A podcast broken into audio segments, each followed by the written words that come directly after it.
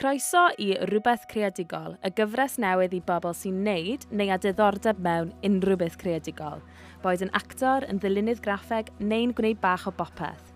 Ym mhob penod bydda i, Becca Harris, yn siarad ag unigolion o feisydd creadigol gwahanol am yr heriau a'r pynciau llosg sy'n ymwneud â'r diwydiannau creadigol ar hyn o bryd, gan graffu ar yr ymchwil diweddaraf a rhannu profiadau. Mae'n mediaddol rhamant i'r syniad fod rhaid i ddioddef i greu celf. Mae bron yn ysgogi ti i eisiau fo'n ddiflas er mwyn ti allu greu'r celf yna. Heddi, rydyn ni'n siarad gyda'r artist Annie Saunders am y cysylltiad rhwng creadigrwydd a lles. Diddorol. Ti'n gwybod beth yw hanner y jobs yma ti? Yw hynny'n 95? Sut mae technolog yn creadigol? Amser, creadigol. A mae'n joio swydd gymaint. Ti'n llawrydd? Swn i'n gallu gwneud hynny. Ti'n mor lwcus bod ti'n licio swydd ti. Haia Ari. Haia ti'n iawn. Mae Ani'n creu mewn nifer o feisydd creadigol ffotograffiaeth, celf a cherddoriaeth pop electronig dan yr enw Ani Glass, uh, a mae nifer o ieithoedd yn Cernyweg ac yn Gymraeg. Mae hi'n gwneud PhD ar hyn o bryd sy'n edrych ar sut a pham y mae trefi ôl ddiwydiannol yng Nghymru yn newid a'i peidio trwy ymchwilio mewn i'r cyd-destun gwleidyddol, economaidd a diwylliannol ehangach. Ydy hwnna'n iawn? Ydy, ydy, diolch i ti. Ti'n gryddhau album newydd o'r enw Mirores. Mae'r sengl cyntaf yn gyfoeth o synth pop Cymraeg wedi gwrando arno fe, mae'n gret. All ti siarad chydig bach am dy yrfa creadigol di achos mae'n rhychwantu nifor y feisydd gwahanol. Iawn, so fi wastad di cael diddordeb mewn bod gredigol. Arlunio ni'n neud pam ni'n fach yn benna, ond es i'r coleg i studio ffasiwn. O'n i ddim wir yn licio ffasiwn, o'n i wedi sylweddoli yn eitha cloi bod fy well fi prynu dillad yn lle wneud nhw ond oedd wedi cymryd gradd i weithio hwnna mas. A tra o'n i yn Lerpwl, nes i ymuno dy band pop. Um, so dyna pryd nes i um, dechrau ymwneud gyda cerddoriaeth mewn, mewn gwirionedd. Um, a wedyn nes i symud i Brighton a nes i ymuno band pop arall. Ac oedd e dim ond wedyn pam symudus i nôl i Gadydd, nes i wir um, sefydlu yn greadigol a dechrau wir ffind o mas be o'n i'n moyn neud, be o'n i'n hoffi. Um, achos o'n i wedi dieddol just fynd gyda llif a syniadau e, mwy pobl eraill ac o'n i'n wir yn nabod yn hunan yn gredigol, felly oedd e'n broses eitha hir um, o, o sawl blwyddyn i ddechrau ymddiddori mewn peth eto um, a dilyn yn rhwy'n a dod i nabod yn hunan fel rhywun credigol. Ti'n neud gwaith celf, ti'n neud ffotograffiaeth a ti'n neud cerddoriaeth. Pa'n ddath yn gyntaf? Celf, fi'n meddwl, er, oedd, oedd y ddau nhw yn y tŷ, oedd, ti'n meddwl, mae'r rhieni yn mam yn arlunydd ac yn canu mewn cor um, a dad yn fardd ac yn gwrando lot o geddoriaeth o wledydd gwahanol. Felly oedd y ddau um, yn bresennol fel petai, ond sy'n ni'n gweud yn naturiol um, darlunio celf. Dyna'r peth fi'n um, sort of yn mynd at y pan fi eisiau, fel ti'n gweud, teimlo'n hapus neu rhywbeth neu codi calon, arlunio sy'n helpu fi yn fwy na cerddoriaeth. Pryd wyt ti'n mynd mewn i wneud cerddoriaeth, beth mae, sut mae hwnna'n neud ti deimlo? Um, fi ddim yn gwybod. fi'n teimlo bod e'n fwy o compulsion. Fi'n mynd... Fi'n... pe dwi'n mwynhau fwy am beth i fe? Fi'n fi mwynhau'r syniad o greu cyfanwaith. Fi'n mwynhau, fi mwynhau um, y broses, Fi'n mwynhau dysgu, fi wedi bod yn mwynhau dysgu sut i gynhyrchu, sut i ddefnyddio'r offer. Mae'n fwy o sialens yn mewn gwirionedd, a fi yn mwynhau perfformio. Ond o ran um, teimlad, fi ddim wir yn gwybod sut mae cerddoriaeth. Mae'n amlwg yn ei fi'n hapus, ond mae'n mae gallu bod yn eitha caled hefyd, achos yn benig os ti'n neud ar ben dy hunan a ti'n trial cymryd yr awennau gyda lot o'r agweddau gwahanol, mae'n mae lot, mae'n gallu bod yn eitha caled hefyd, achos mae'n mynd eitha unig. Mae'n, ti'n bod, pan ti ar y llwyfan neu pan ti'n mynd i wneud gig mewn rhywle, bod dinas mas i Gardydd, ti'n troi lan yn ben dy hunan wedyn, mae bandiau eraill yn troi lan a maen nhw'n fel siarad i gilydd a tir ben unan. So mae yna balans fyna, felly weithio ddim yn gwybod pam fi'n neud e, ond fi yn mwynhau e. Actually, neu weithio ti, fi jyst i cofio pam fi'n neud e. Pam nes i symud nôl i Gadydd, o'n i yn um, o'n i'n canu yn, yn Saesneg, um, achos dyna be o'n i wastad, wastad i wneud y cerddoriaeth. Ac wrth uh, ddod i tymod, nabod mwy o bobl yn gadydd a, a gweithio mas bod fi just yn benna'n siarad Cymraeg, o'n i dechrau gwrando mwy o gerddoriaeth Cymraeg a sylwi bod y gerddoriaeth o'n i'n licio, dim bod pethau ddim o safon, ond jyst oedd y stwff o'n i'n licio ddim yn bodoli. Felly oedd hwnna'n un o prif resymau hefyd pam o'n i'n neud e. Felly mae ma yna ma rhywbeth ehangach gyda rhesymau ehangach pan fi'n neud cerddoriaeth. Wyt ti, wyt ti beth yn teimlo bod na bwysau i greu, bod ti'n rhoi pwysau ar dy hun er mwyn creu? Ydw, ti'n meddwl be, yn, yn bendant yn fwy gyda cerddoriaeth, fi'n rhoi'r pwysau ar yn hunan.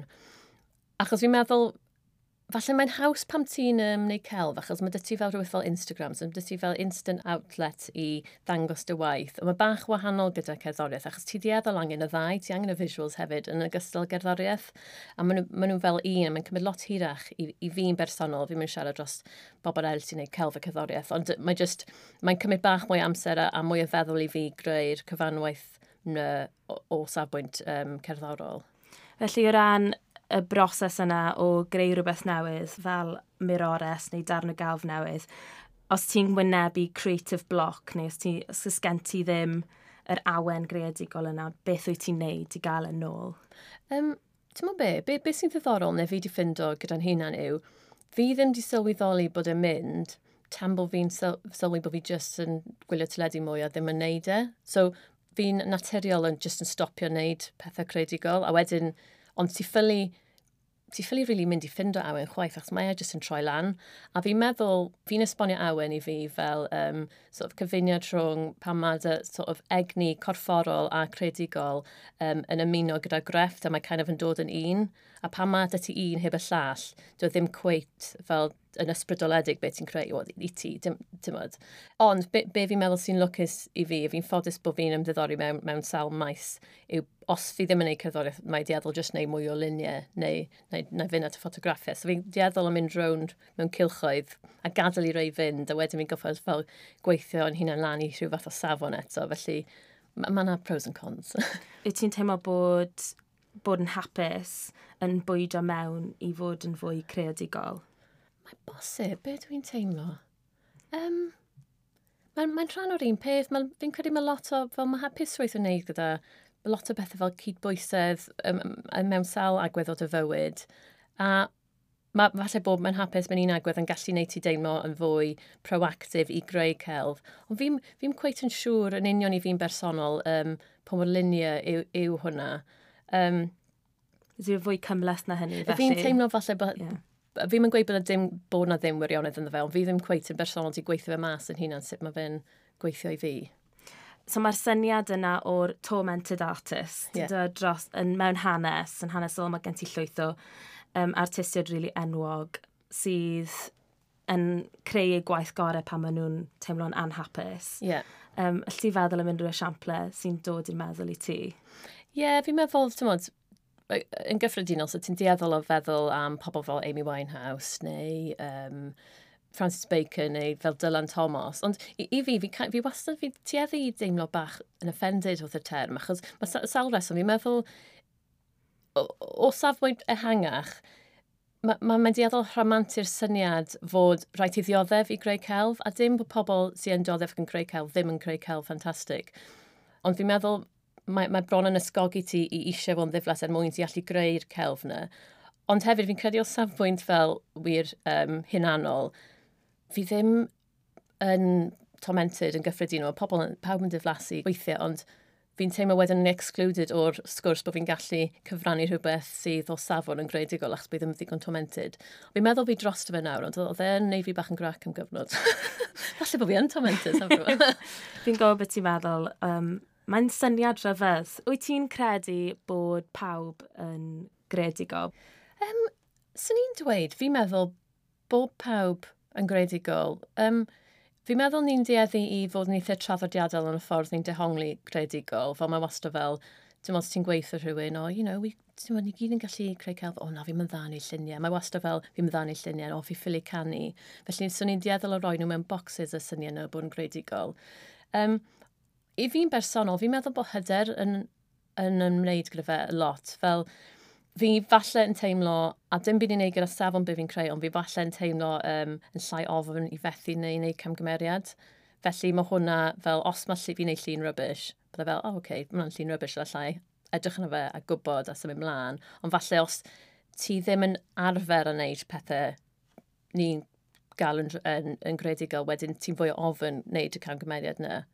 Um, felly, mae falle bod yn rhyw fath o gyfuniad o hyder ar arfer, felly creu arfer, um, um, a falle mae'r ar arfer nhw'n creu ysfa hefyd, felly mae kind of yn gylch, fi'n meddwl. Ie, yeah.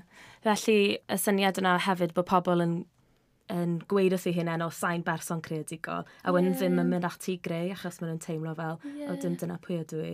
A fi'n siŵr bod nhw'n dechrau yn yr ysgol yn dywe achos os, os ti ddim yn gallu gwneud llun fel ydym, cwch yn ddigon da pam ti'n bedwar a ti falle'n penderfynu o'r pwynt na bod ti ddim yn greadigol bod ti'n ffili gwneud lluniau felly falle bod e ddim yn rhoi'r hyderna i ti gario mlaen. Mm. Siŵr. Ond hefyd mae'r diwydiannau creadigol yn rhychwantu llwyth, llwythio feisydd nawr, felly yeah. mae'n mae anodd disgrifio beth yw creadigrwydd mewn rhai geiriau. So, fel o'n i'n sôn, ti'n creu mewn llwyth o feisydd, so ffotograffiaeth, celf, um, cerddoriaeth. Wyt ti'n ti teimlo fwy un neu'r llall ar adegau gwahanol yn dy fywyd, O sut fydde ti'n disgrifio ti dy hun? Um, fi'n meddwl, um, fi'n mynd trwy gyfnodau o wneud bach o hwnna a, a bach o llall. Um, ond fi'n fi, was yn dieddol fel wedi ti'n gynharach, fi'n dieddol y ffocysu ar un, falle achos fel mae'r ma awen fyna fel ti'n gweud, mae dy ti'r syniadau, mae pethau'n tynnu at ei gilydd, ac os ti'n mynd at un o'r rhai eraill, fel os fi'n mynd at arlunio neu ffotograffiaeth, falle neu fe dynnu ffwrdd o be fi'n trio creu. Ond o ran un i'r llall, fi'n meddwl, yn y bôn, fi'n meddwl celf gweledol yw peth instinctif i fi, a mae cerddoriaeth yn rhywbeth fi'n caru, ond mae'n fwy... Um, fi'n goff yn gweithio yn wir yn galed yna fe. mae'n waith, mae'n waith caled. So falle, falle bod fi yn trial just tomento'n hunan drwy, just drwy cymryd ymlaen. Ie, yeah, fel, fel fel mae'n gweud, yeah, fel ar adeg y gwahanol mywyd, yn dibynnu ar beth sy'n cymryd yr awen. Neu, mm. Weithio mae'n adwain ti, falle geid i gyfle mewn rhyw faes, a wedyn ti'n wedyn mae'n cymryd mwy o damser, felly yn naturiol mae ti just yn dieddol neu mwy o gyddoriaeth neu falle yr un peth dy'r peth eraill hefyd. Ond mae ma nhw gyd yn dod â pleser i ti, pleser gwahanol neu'r un fath o, beth yw'r gair fulfilment? Ti'n meddwl beth, falle, falle un o'r rhesymau pan fi'n gwneud cerddoriaeth yw bod fi actually yn show-off. A mae dy, ti'n modd, mae dy pawb rhyw lefel o ego, falle bod fi jyst bach yn uwch a bod fi angen bod ar lwyfan weithiau. Falle just, fi jyst yn cael hwnna mas o'r ffordd fel bod fi'n gallu canolbwyntio ar, ar neu celf, ond ie, yeah, jyst yn gwybod. Beth bydde ti'n argymell i unigolion credigol allan na er mwyn ysgogi awen yn nhw o ran creadigrwydd? Wel, fi'n gwybod fi newydd weid yn byty um, bod ni'n dieddol o fod yn traddodiadol yn sut ni dehongli bod yn creadigol, ond mae'n neud pethau bach fel, just trio, ti'n meddwl, weithio, ti'n meddwl, pobl yn neud fel, mae o'n colouring books for adults and stuff yn ddiwedd, ond doedd, pethau fel yna, ond fi'n meddwl just datblygu arfer yw e o fod yn neud rhywbeth creadigol, a hefyd, fi'n meddwl beth sy'n bwysig yw, bod ti'n goffa mwynhau e, achos oes dim pwynt fforso rhywbeth, achos wedyn wneud i falle cymryd yn erbyn e, a wedyn peidio wneud e o gwbl. Felly ie, fi'n meddwl creu arfer, achos i fi mae fe'n ffordd o fyw, fi ddim yn just, fi'n mynd neud gerddoriaeth a neud celf, mae just, ie, yeah, dyna'n ffordd i o fyw, felly, ond mae hwnna'n dod o ymarfer, felly y cysondeb ar ymarfer. Felly, sy'n ni jyst yn gweud hwnna, a hefyd bod yn fentrus, ond dim just, o ran safbwynt credigol, ond jyst bod eitha cheeky hefyd. Fel, os ti wedi dechrau gwneud ffotograffiaeth, o'n i wedi, o'n i jyst i pigo lan camera a tymod, dweud y byd fi'n ffotograffydd, a fi ddim, fi jyst yn clico fel pawb arall, ond jyst mynd at bobl yn gweud fi eisiau rhoi arfer goll ymlaen, fi'n barod, a fi wedi cymryd tua 5 llun. A mi fel, sure, no problem. So, so bach, bach o cheek, tymod, yeah. angen bach na fe, a tymod fel, don't ask, don't get type, type o beth. Lefel o hyder, te, yeah. jyst i fynd mas na gweud, fi'n lli wneud hwn. Ie, yeah, achos ti sy'n gweud, achos mae pobl yn, a barn am gelf, mae rhai pobl yn gweud, mae'n rubbish, I could do that myself. A dyna'r pwynt, na fe. Mm. Achos ti sy'n gweud, fi, fi sydd wedi penderfynu, fi'n ffotograffydd a fi'n dangos lluniau gweud, mae rhain yn ffotograffau, falle bod nhw'n rubbish, a fel fi'n siŵr bod lot yn nhw yn, ond fi'n licio nhw. A dyna'r unig um, fesur sydd â fi os fi'n licio fe yn y beidio. Fi'n mynd gwybod rili really, yn byty techneg, fi'n rubbish y stwff fel. Fi'n braidd yn gwybod sut i'n eddio camera, fi jyst yn gwybod sut fi'n mynd i rhywbeth edrych. Mae lan i pwy sy'n gweld y celfa barn nhw ohono fe beth bynnag. So yeah. mae'n y mant i fynd mas na bod fel, dyma be fi'n neud. yeah. Felly, wyt ti weithiau yn neud celf neu'n dianc mewn neu'n golli di hun mewn hynny pam dy ddim byd i wneud efo gwaith, ond ti eisiau cael yr awen yna nôl? Ti'n be, fi wastad yn anghofio pwy mor hapus mae darlunio neu fi deimlo. a Fi'n anghofio bob tro, a bob tro fi'n mynd nôl at fe, fi fel, ah, oh, Mae byth anghofio eto, achos mae'n wastad neu fi'n hapus. A fel, mae'n ffordd fel o self-medicating. Fi'n troi ato fe instinctively, heb yn wybod i fi, er mwyn neud yn hunan deimlo'n well. A mae weithio'n cymryd gomod amser i fi gyrraedd y pwynt yna. A fel ti'n gweud, ddim, dwi ddim am biti creu gwaith, mae'n biti yr yr marfer yna o, o greu rhywbeth, o just falle neud rhywbeth gyda dy ddwylo, um, a hyd yn oed os ti'n benni lan gyda dan o waith hollol rubbish, ti dal mae dy ti rhywbeth i ddal, mae dal ti wedi creu rhywbeth. Um, a fi'n credu pan ti'n berson ti wedi arfer a creu, pan ti'n mynd trwy gyfnod pan ti ddim yn creu unrhyw beth, ti'n teimlo fel heb hwn rhy dramatig, fel rhyw fath o fethiant, bod yna rhyw fethiant y dallu, a hyd yn oed os ti'n ond mae'r ymarfer o greu rhywbeth a unrhyw beth, dim ots beth y safon, yn neud ti deimlo'n well yn syth. A mae celf gweledol, achos mae'n gloi, mae'n gloiach i fi, allai jyst neud llun cloi neu um, torri rhywbeth lan, achos fi'n licio neud collage hefyd. Mae jyst wir yn codi calon mae syniad yna o flow neu llif lle ti'n ymgolli ymgolli'n llwyr yn y gwaith neu yn beth ti'n neud yn rhywbeth sy'n gysylltiedig efo creadigrwydd. So, sut ti'n gweud bod ti just yn ymgolli mewn i creu celf? Ie, yeah, a hefyd sy'n ni'n gweud gyda celf, fi'n lot llai self-conscious. Um, mae dy fi lot llai o ddiddordeb yn byd mae pobl yn meddwl, achos mae hwnna'n neud gyda hyder fi'n meddwl. Felly mae'n haws i fi ymgolli mewn celf na fysa fe mewn cerddoriaeth, achos mi'n poeni gorfod fi'n meddwl. A hefyd, um, os mae'n os mae album yn mynd mas na, falle bod e'n lot fwy, lot mwy o gyhoeddusrwydd o ran cerddoriaeth alle weithiau.